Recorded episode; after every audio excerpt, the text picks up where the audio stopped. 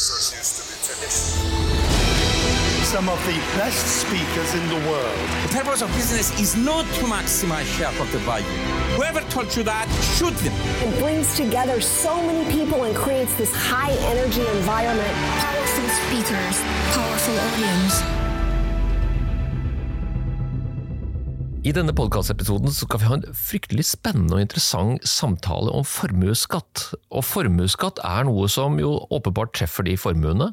Og med meg i studio har jeg to jurister og meg selv, som er historiker. Dog en jurist som foretrekker å bli omtalt som gründer, og vi, vi spøkte litt med det, Merete, før du kom.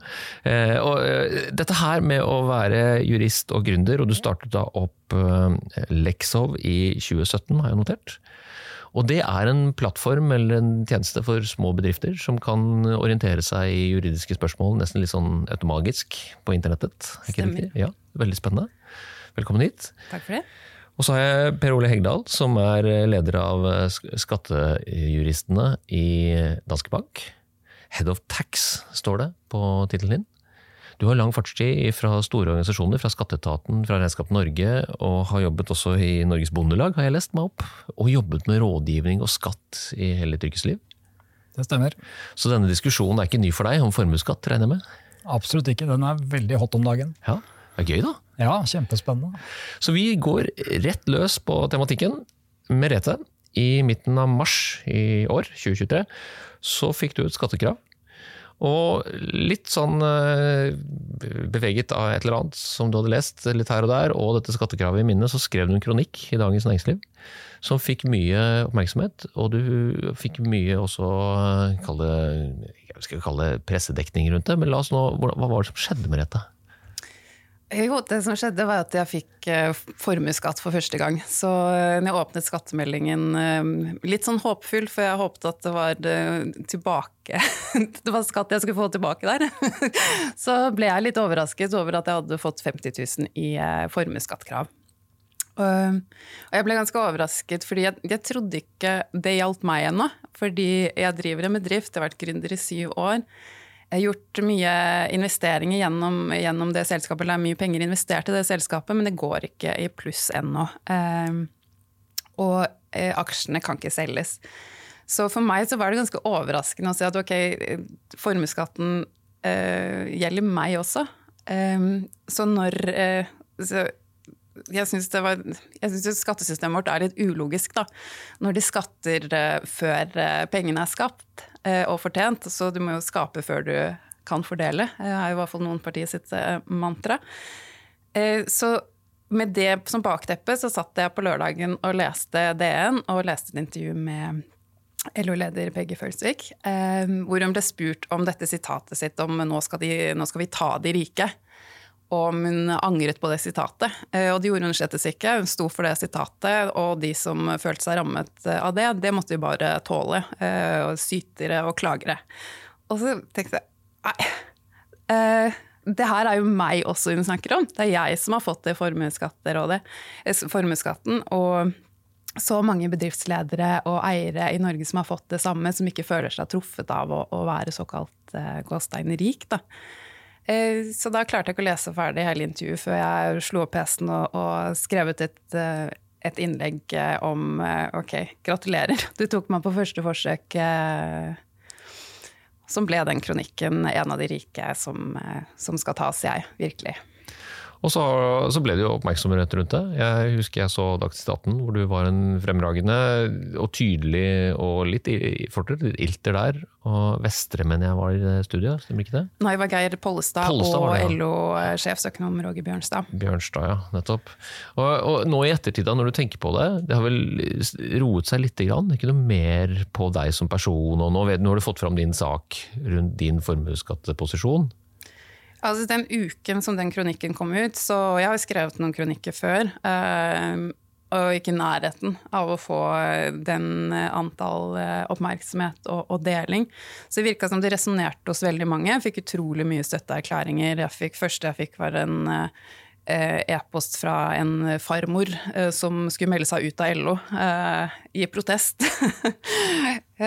og og så ble det den eh, debatten på Dagsnytt, eh, Dagsnytt 18 hvor eh, Jeg føler de basically sier at ok, trist for deg, men dette er en del av kostnaden med å ha det skattesystemet vi har. Så sånn må det bare være. Og så ble jeg invitert av Vestre til dialog i en egen kronikk, og Peggy Følsvik også skrev en kronikk tilbake. Og så er det blitt stille.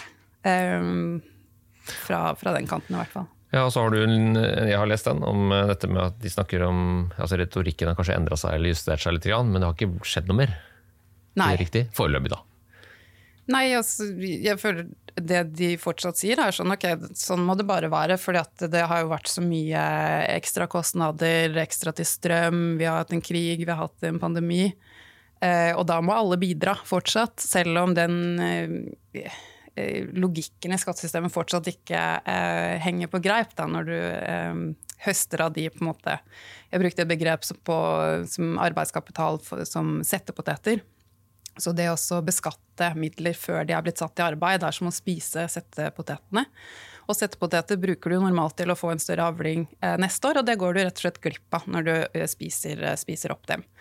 Så det Senterpartiet, Arbeiderpartiet og, og med budsjettpartner SV har gjort, er jo å ta av eh, såkornlageret vårt, av settepotetlageret vårt, og sørget for at vi får mindre midler eh, i skattekassa fremover. Så det er utrolig kortsiktig tenkt. Det er helt fantastisk. Tusen takk så langt. Og eh, vi skal dra analogien mot settepotetene og entreprenørskap og gründerskap og rammer. Men Per Ole, kan ikke du prøve å forklare oss denne formuesskatten? Hva er det for noe, egentlig? Hvem blir rammet av den, eller som Merete så fint sier her, får den? Det, det, noe som du for så vidt ikke vil ha, men hva er det for noe? Forklar det. Nei, Formuesskatten er en skatt på det å eie formuesobjekter, eller ha verdier, rett og slett. Det normale er jo at man eh, har skatt eh, hvis man har inntekter eller gevinster. Da kommer jo den skatteregningen samtidig som man får en fordel.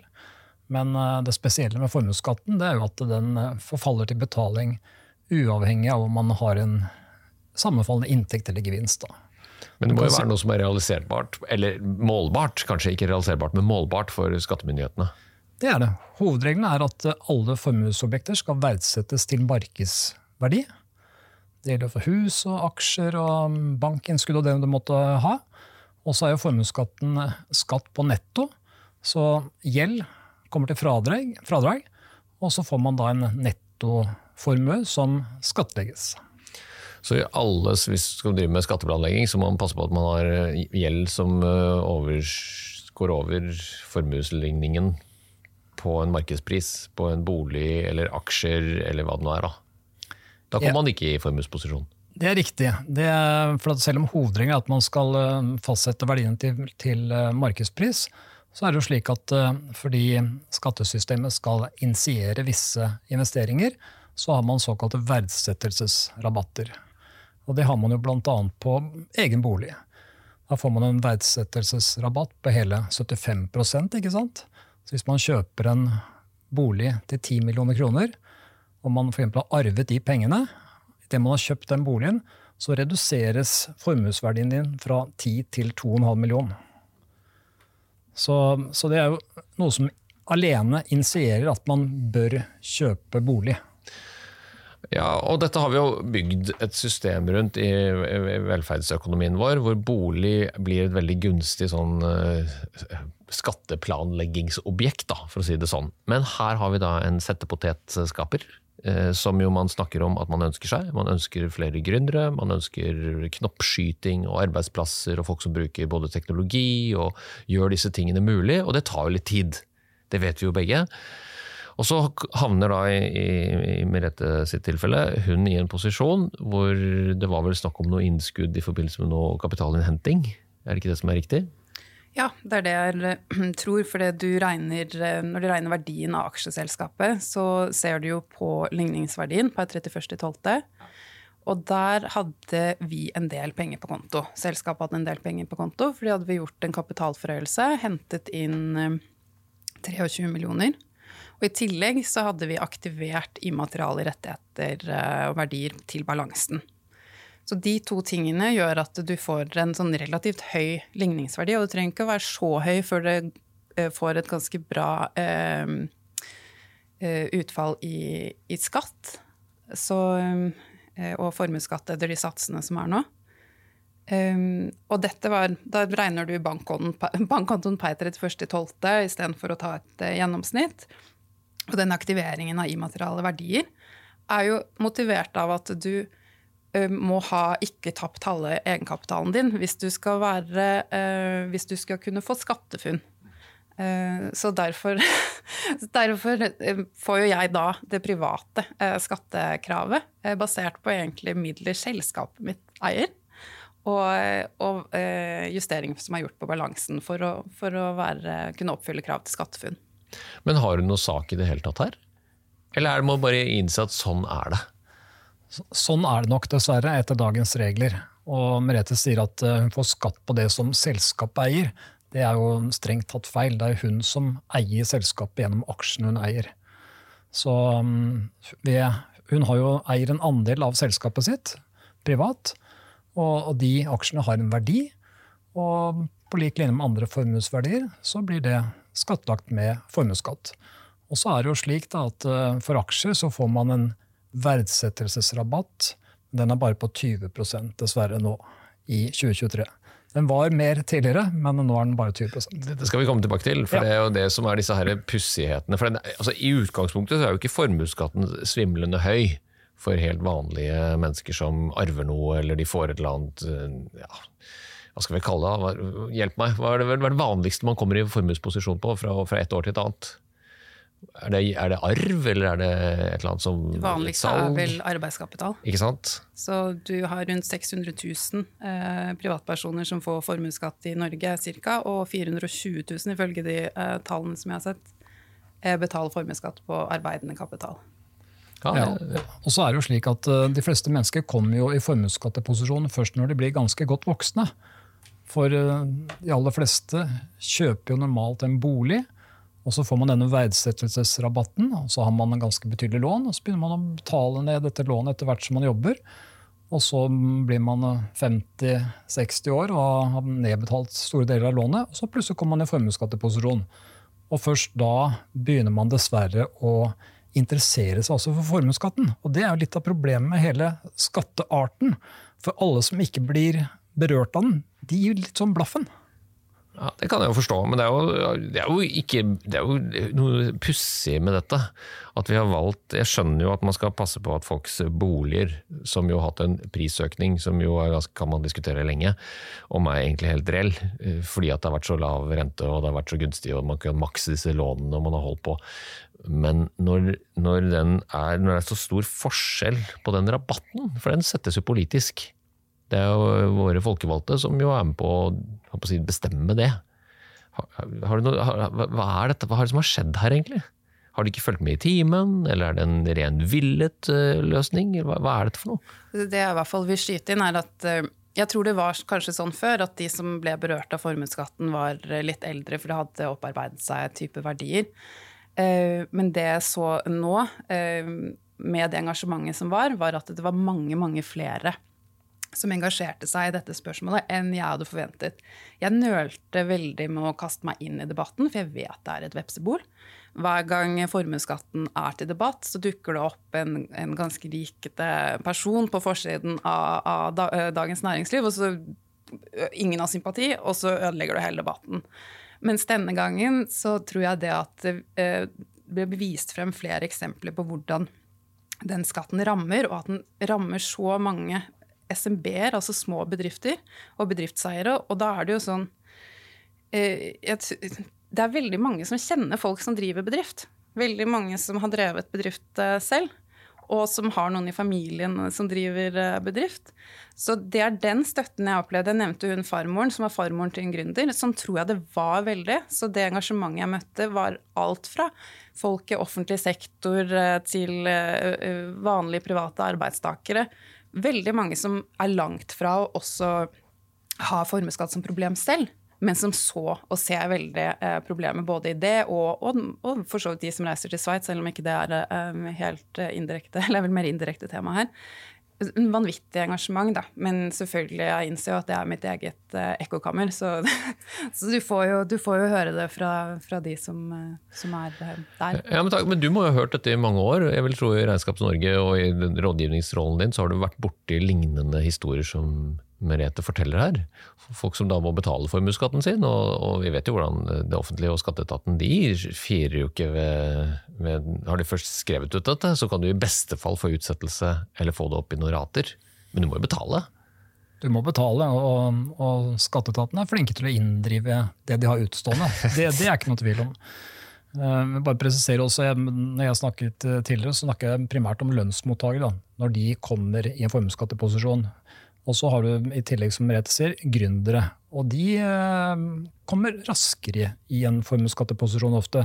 Hvis de har gode ideer og klarer å bygge opp virksomheter som har uh, verdier. Men nei, Kunne Merete vært eh, strategisk her og ventet med den kapitalforhøyelsen til etter 31.12. og unngått hele problematikken? Unngått eh, noe av det for det året, ja. For da kunne hun skjøvet på det. Men hun hadde fått det samme året etter. da. Ikke hvis du har tatt opp mot høsten tatt opp et litt større lån eller balansert det ut. For det, Hvis det ikke er en sånn gjennomsnittsberegning på det, og det er 31.12., som man som privat øh, skattyter opplever for at de vil jo ha innsyn i hva som står på kontoen din, regnes. Og det får du jo. Jeg tror ikke de går inn der og sjekker gjennom hele året hva som er øh, situasjonen. Er, er, det, er, det, så svart-hvitt på ja. selskaper? Nei, det, det, er ikke det. For at den øh, egenkapitalen som er innhentet, det hjelper ikke å låne flere midler, det gjør ikke noe eh, endring på formuesverdien. Den egenkapitalen som er innskutt, den er jo eh, den som er hentet inn, den er jo der. Det mange gjør, er også å hente i mindre transjer. Så når jeg fikk eh, formuesskatten, så følte jeg meg litt sånn dum. For hvorfor har jeg ikke tilpasset dette? Dere snakket jo om skattetilpasning her, her i begynnelsen. Og, men jeg tror det er situasjonen for de fleste små bedrifter. Du har ikke noe økonomsjef, du har økonomisjef, du har ikke skatteadvokat. Så hvordan skal du navigere i, i det? da? Og mange gründere har jeg skjønt etterpå. da. Lærte meg masse om formuesskatt nå etterpå. Eh, Eh, er jo at de henter inn penger i flere transjer over lengre tid, for å slippe oss å ha eh, mye på konto. Og Vi skal kanskje snakke løsninger etterpå, men en av det er jo for gjennomsnittsberegna inntekten istedenfor at det er så tilfeldig at det er 31.12. som gjelder. Og at du kanskje ikke regner med immateriale verdier i beregningen. Da har du allerede gjort to grep som gjør at eh, du kanskje får en mer reell verdi på de formuesverdiene som jeg er helt eh, enig i korrigeringen din i stad. Er, eh, er, eh, verdiene mine versus selskapet? Jo, men det er, det er, riktig som du sier at det er per 31.12, og det er jo veldig uheldig at det er et så spesifikt tidspunkt. Da mm. kan jo teoretisk en aksjekurs gå veldig høyt, og så dagen etterpå kan den falle igjen. Og så må du betale formuesskatt av det den tilfeldigvis var på det toppunktet. Det er noterte så, aksjer, da. Ja.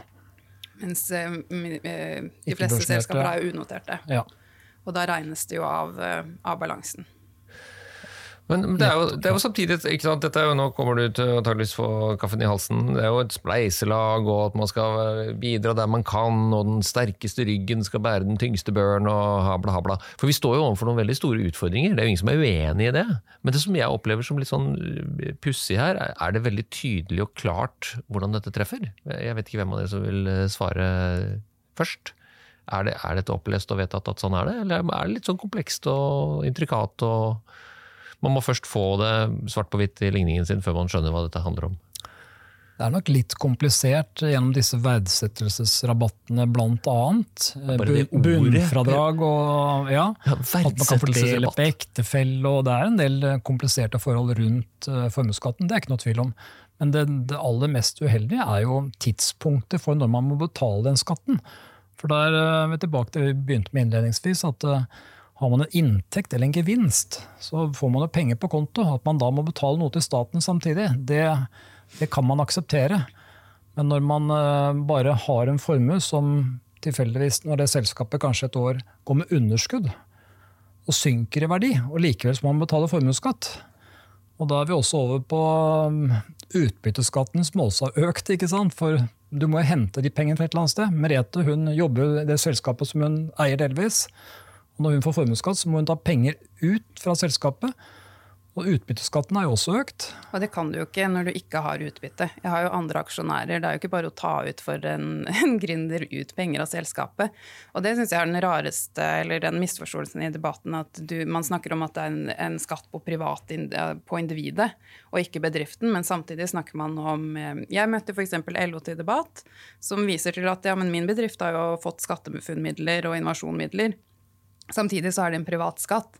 Da sammenblander man jo argumentene totalt. For det, hva, hva, menes med det? Skulle jeg bare tatt penger rett fra Innovasjon Norge til min private lomme og betalt skatt? Sånn fungerer det jo ikke. Så det er den sammenblandingen som blir, eh, blir eh, veldig rar. Og eh, nå tok jeg kanskje helt over, men jo, men det er riktig som du sier, Den gjør seg jo veldig gjeldende for gründere. For Gründere er jo ofte bundet til å være en del av selskapet og utvikle selskapet, og er, for, er forhindret fra å selge for å realisere verdier for å betale skatten. Så er man liksom bundet på armer og ben, samtidig som skatten forfaller til betaling. De mest formuende de har jo ofte aksjer investert både her og der, og kan selge noen aksjer for å betale den formuesskatten. Og de har noen triks i boka, for det har jeg etter mange år funnet ut at det er små ting du kan gjøre faktisk via Altinn. Du kan bl.a. Eh, rapportere at det er noen store endringer på eiersiden og andre fiffige ting rett før 31.12., og da får du utsatt hele ligningen for det inneværende år og greier. Det er masse sånne lurifaks-triks som eh, Jeg skal ikke si de er godt uh, hyrte skatteadvokater som vet disse triksene, men noen har jo åpenbart sagt det til dem. Og så lærer man seg det, selvfølgelig. Og så er det noe med et, et sånt samfunn som skal speile en eller annen tillit til et skattesystem. For nå kommer vi opp på det som blir spennende å snakke om her. da. Hvordan kan vi innrette dette på en bedre måte? Er, er det på noe kommunikasjonsnivå her, eller er det noe eh, tilgang til bedre skatterådgivning eller annen juridisk bistand? Altså, hvor, hvor begynner vi hen for å gjøre dette bedre? Hvordan bør dette gjøres? Jeg har bare lyst til å skyte inn at at um, hvis Merete og gründere skal bli avhengig av å ha en skatteadvokat liksom, og de kostnadene det medfører, da er vi virkelig på feil vei. Men det er jo der vi er på vei. Delvis, ja. ja. Dessverre. Ja. Det er jo en oppklaring i seg selv. Nei, jeg tenkte, for den formuesskatten slik den rammet meg, og jeg tror den rammer andre, er jo Som gründer så startet jeg selskapet mitt uten å ta ut lønn. Jeg, ga, jeg gikk glipp av pensjonsrettigheter og alt de første årene. Så begynte jeg å ta ut ganske lite lønn. Så tok jeg opp et lån fra Innovasjon Norge, ble personlig kausjonist. Så begynte jeg å ta ut litt mer lønn. Eh, men ingen av disse hører jo sammen med men ikke overskudd i selskapet, så ikke noe utbytte. Så den formuesskatten jeg betaler likviditetsmessig, er penger som jeg eh, tilfeldigvis har spart meg opp for å ha en buffer. Hele den bufferen går til, formue, eh, til å betale det formuesskattkravet. Og begrunnelsen for formuesskatt i utgangspunktet er en omfordelingspolitikk. Mm. Det er som du nevnte i begynnelsen, at det handler om å, å ta fra de som som kan dekke mer, og omfordele i, i statens eh, eh, eh, Som staten bestemmer. Når du beskatter arbeidende kapital, for det er det du egentlig gjør når du setter formuesskatt på de som eier selskaper.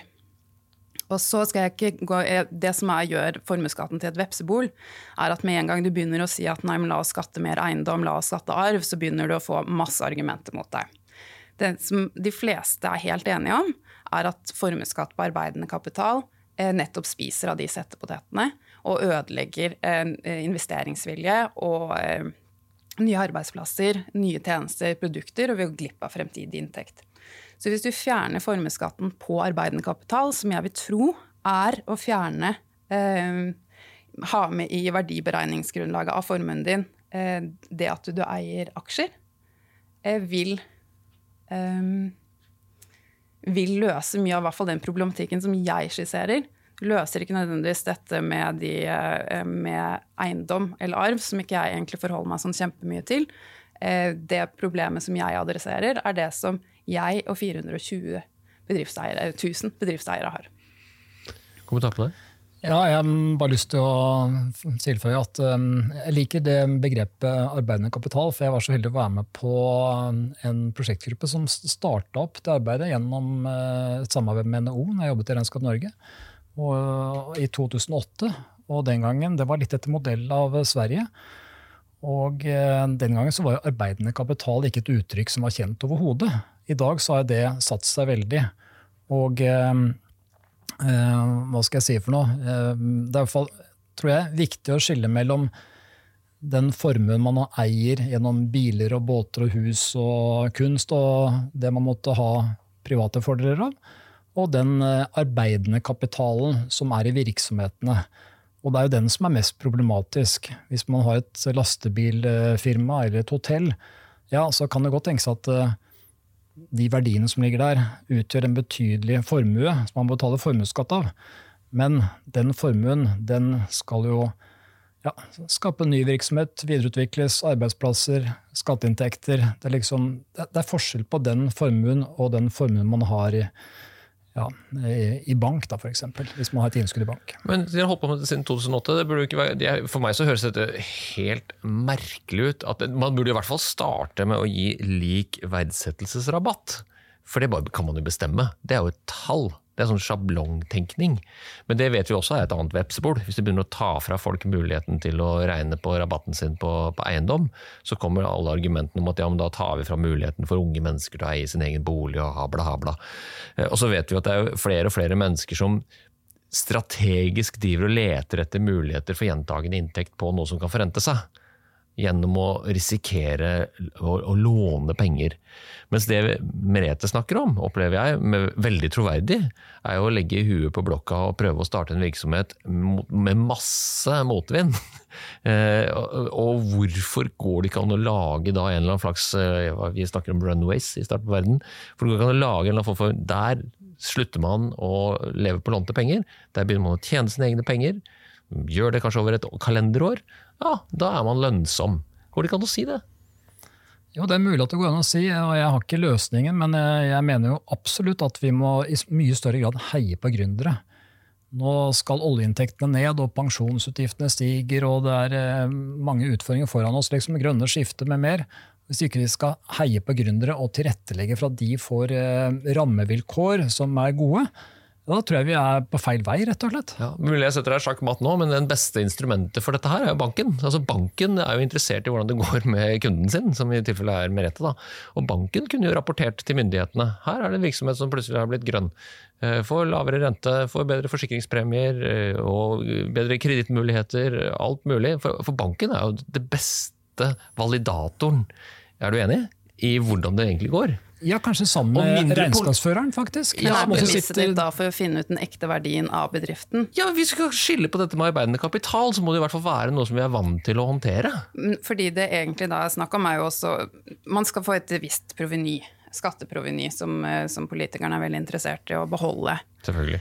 Eh, og det provenyet, hvis du tar bort formuesskatten på arbeidende kapital overhodet, så slipper du den eh, vanskelige matematiske øvelsen å involvere flere aktører. Alt det er jo fordyrende. Hvis du bare fjerner det, og heller øker eh, selskapsskatten et par prosent, eller utbytteskatten, så skattlegger du i hvert fall eh, midler som er tjent opp, og du diskriminerer ikke mellom norske og utenlandske eiere. Det høres jo fornuftig ut. Hvorfor gjør vi ikke det? Jeg støtter det med å øke selskapsskatten. Øke utbytteskatten tror jeg ikke er riktig. For Det tror jeg vil få en innlåsningseffekt som er veldig uheldig. Uh, pengene må ut av virksomheten også, hvis ikke så vil det på en måte bli veldig verdifulle virksomheter som, som eh, neste generasjon arver, kanskje. Uh, en annen ting som har vært diskutert, er jo dette med arveskatt. Og um, jeg skal ikke si at det er løsningen, men det er nok lett lettere å selge inn at man faktisk må betale en skatt samtidig som man arver penger. Da får man jo på en måte, selv om, ikke, selv om det ikke er en inntekt eller en gevinst, så får man fått tilført midler da, fra forrige generasjon. Og da må man kanskje akseptere at eh, noe av det går til, eh, til staten. Jeg tenker det er i hvert fall en ekte omfordeling. Eh, det samme gjelder arvede eiendom, som er en knapp, en knapp ressurs. Mens jeg tenker det å omfordele midler som ikke er skapt, er illegitimt. At jeg rett og slett vil påstå at formuesskatt på arbeidende kapital er en illegitim eh, skatt. Fordi den ikke Den er så usedvanlig eh, lite treffsikker på hva den forsøker, å, forsøker å gjøre. Eh, ved å ta de midlene før du eh, kan sette de i bruk. Så jeg støtter det. At, eh, å se heller på, på midler som er skapt, og heller se på dette når pengene er på vei inn, enten som arve, arvegods. Eh, men du har også et par andre forslag, vet jeg, som jeg har lest, om dette med å øke bunnfradraget. Har du foreslått? Mm. Og så har du også vært innom eh, en kanskje minimumsskatt. Ja. som kan motregnes mot Er det riktig forstått? At det kan være en, en ting å se på? Jeg tror jo sånn realistisk sett altså, Jeg mener hele skatten egentlig må bort. Men hvis man skal være pragmatisk og liksom ta skritt for skritt, så tror jeg det å heve bunnfradraget er noe du vil få politisk enighet om mye raskere. Eh, minimumsskatt tror jeg er for kreativt. Eh, mens i prinsippet så går det da på at du sier at man skal betale en viss, eh, viss skatt, eh, og så tar du det til fradrag foran formuesskatten. Så ville jeg ikke fått den formuesskatten på, på toppen hvis meningen er å ta såkalte nullskattytere.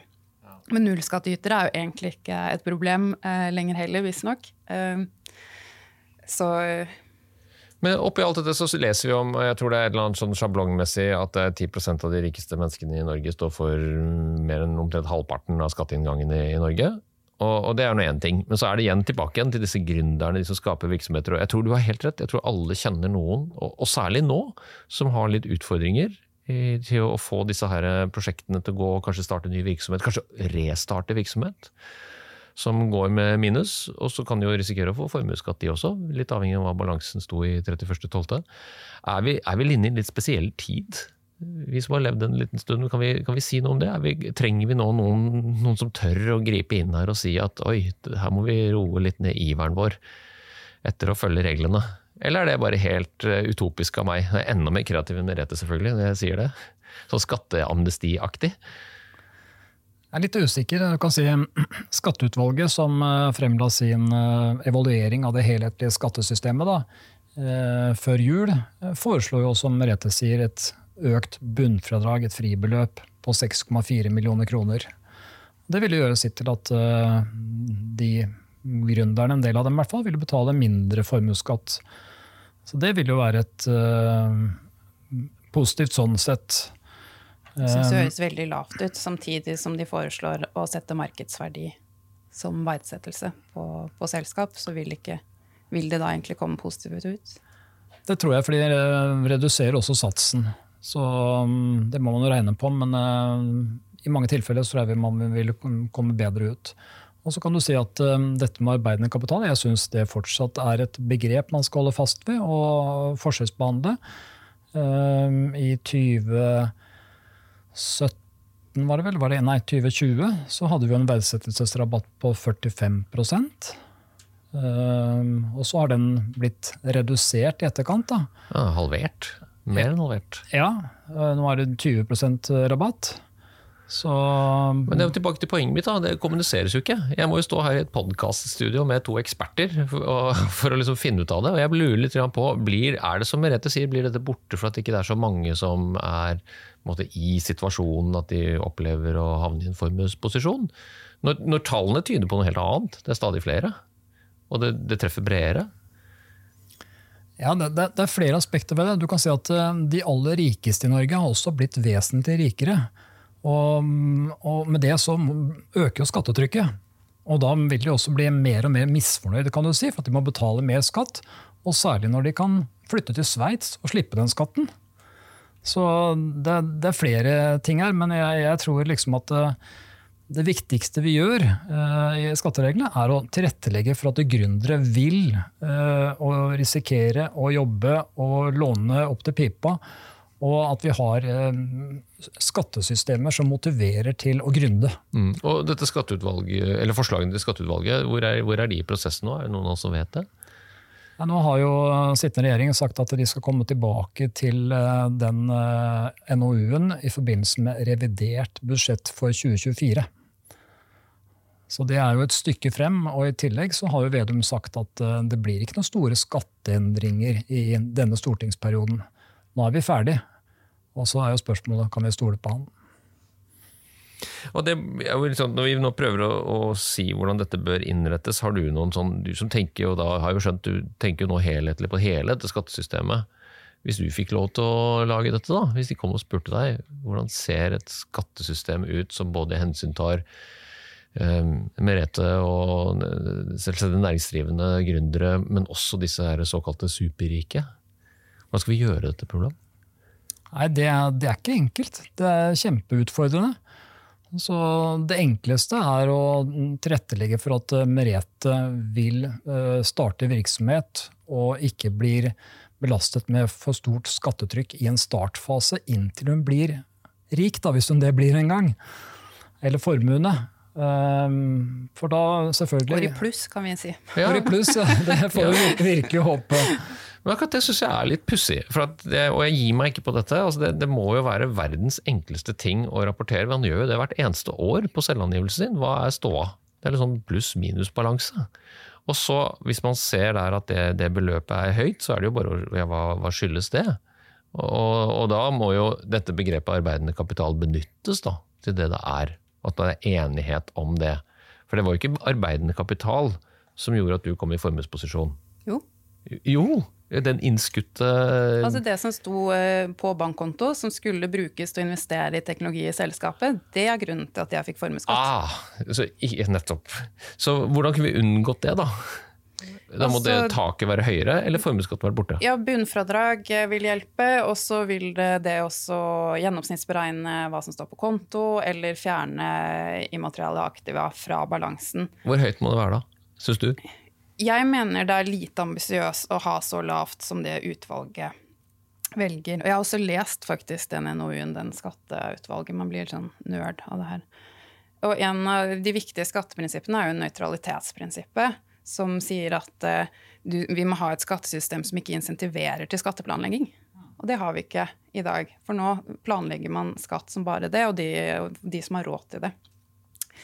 Så hvis vi skal unngå det, og samtidig satse på å lage store såkalte enhjørninger herfra fra Norge, hvis vi ønsker å ta del i fremtidens inntekter, altså halvparten av det vi kommer til å tjene penger på om fem år, bedrifter, tjenester, produkter, er ikke skapt. Skal vi ha del av de inntektene, så må vi satse på næringsliv i Norge. Og det gjør vi ikke. Vi mangler jo totalt en ambisjon om å bli en stor gründernasjon. Og hvis vi skal sette den ambisjonen, som jeg syns vi skal, for vi har alle grunner, alle kommer til å ville bo i Norge fremover med klima og velferd som vi har, så må vi jo sette en mye høyere bunnfradrag. For det er sånn at når du driver med teknologiutvikling, så vil det ligge mye verdier i selskapet før du har gått i pluss. Så hvis vi velger bunnfradrag som løsning, og samtidig så har utvalget også foreslått en markedsverdi eh, for verdsettelse av selskapet, så det her må jo gå i hop. Jeg tror ikke det blir noe A, men det er noe så. Eh, Så må vi tåle å ha ganske store verdier på selskapene før eh, gründeren får en formuesskatt. For jeg tror at jeg og de fleste andre gründere vi gjør dette av idealistiske grunner. Vi ønsker å gjøre en endring, og vi heier på Norge. Og vi vil gjerne være med å omfordele. Og vi vil ikke ha noe fattige. Vi vil det samme, vi har et grønt skifte. Eh, Men vi må ha pengene til å gjøre det, og da kan vi ikke tappe våre private midler. Tilfeldigvis ha penger på kontoen. Det tok eh, til å omfordele lenge før de verdiene er skapt. Det er det som er en stor eh, skatte, eller en svikt i skattesystemet vårt, som vi må rette opp i. Og så tror jeg faktisk at det kommer til å skje noe. fordi nå er det jo sånn Høyre har på partiprogrammet sitt at de er mot eh, formuesskatt eh, på arbeidende kapital. Eh, KrF vedtok akkurat på sitt, eh, sitt landsmøte at de skal gå inn for å fjerne skatt på arbeidende kapital. Og dette er jo noe partiene eh, eh, snakker om eh, og diskuterer. Så jeg tror ikke faktisk at denne debatten renner ut i sanden igjen. Fordi den skapte så enormt mye engasjement nå. Og nå har du også den aksjonen for eierskap, som er en del bedrifter på Vestlandet som, eh, som tar særlig opp dette med urettferdigheten at utenlandske eiere ikke får noen formuesskatt. Og mens private eiere får det og må tappe bedriftene sine mer. Så her er det flere, jo flere som engasjerer seg, og det syns jeg er veldig flott eh, generelt, eh, at i dag versus bare for et par år siden, så snakker folk om skatt og andre ting over kaffen, mens vi snakket om ikke, kjedelige ting. Interiør. Eh, House of Cards, liksom, før. Nei, jeg er helt enig med deg, og det er jo spennende altså, å, å, å kunne diskutere. Og jeg har mye å lære, det hører du jo. Eh, Fordi jeg også lurer litt på om hvor, hvor kan vi få den informasjonen, eh, Per Ole? Hvor er det, du sier jo selv et, et samfunn som trenger en personlig skatterådgiver for å drive næring. Det, det, det, jo ikke, det går jo ikke. Hvor oppsøker man informasjon? Nei, eh, Skatteetaten har jo mye bra informasjon på sidene sine. Men eh, de, de ser det jo fra sitt ståsted, da. Så mm, de er ikke helt objektive, for å si det slik. Og så kan du si at Deler av skattesystemet er jo ikke så komplisert. Men så er det andre deler som er komplisert, og hvor man dessverre trenger en skatterådgiver, kanskje. En advokat, for å holdt på å si, ja, tilpasse seg på best mulig måte. Man, man skal jo primært drive virksomheten og, og, skape overskudd gjennom de varer og tjenester man leverer. Men man er også nødt til å ha hensyn til skatten, som er en kostnad, og, og regne på den, og eventuelt uh, si, orientere seg om regelverket for å ja, i hvert fall gjøre det på best mulig måte. Så det er ingen vei utenom? Dette må man bare kunne? Det, det, tror jeg dessverre, ja. Ja, ja det er fint det. Jeg mm. tror det når du sier det også. Det er ikke det. Er dette lagt inn i Lexo-plattformen nå? Eh, skatt har vært så forbundt, eh, Skatterådgivning er så forbundet med, med høy risiko, så, så, det har vi ikke ennå. Men det kommer vi nok til å gjøre. Og så er det et par Jeg har jo ikke, eh, ikke skatt på en måte i mitt valgfag, eller jobbet med skatt heller. Men det er fullt mulig å, å prøve å lese seg opp litt. Og du har jo Skatte-ABC, som iallfall jeg bruker eh, selv. Og så tenker jeg det som eh, Vi har jo nevnt Skatteutvalget eh, på denne eh, innspillingen noen ganger. Og det er jo nytt forslag til på en måte, Det skulle egentlig være forslag til nytt helhetlig skattesystem, selv om man kan diskutere det. Men det ligger jo som en offentlig dokument. Og det som er så flott med demokratiet vårt, var at den ble lagt ut på høring, hvor alle kunne lese gjennom og kommentere det og sende inn. Nå er den fristen ute. Men selve utvalgsrapporten og utredningen den kan man fint lese, for den eh, har en oppsummering av hvordan er skattesystemet vårt bygd opp, hvilke prinsipper er det egentlig bygd på, og så kan man lese den og danne opp sin egen mening om hvilke prinsipper er det du mener egentlig bør ligge til grunn for hvordan vi skattlegger. For uh, mitt ønske er at politikerne har et mer bevisst forhold til det. For nå skattlegger vi jo helt uh, vilkårlig, kan det virke som. Nei, vi manglet litt penger her, så da drar vi det inn fra økt arbeidsgiveravgift, f.eks. Uh, hvis du istedenfor ser hvorfor skatter vi, og at en skatt må ha et formål, så tror jeg vi får en mye bedre både diskusjon og et Eh, skattesystem. Jeg er veldig glad for det, og så liker jeg veldig godt den metaforen settepoteter. Alle kan forholde seg til noe som gror i, i, bakken, og som yngler, og som gjør at man forstår at man må sette noe. Og som du sier, det, vi håper jo og tror at eh, det er gründerne som skaper disse løsningene som fører til en eller annen form for vekst, og kanskje blir man kjøpt opp av noen.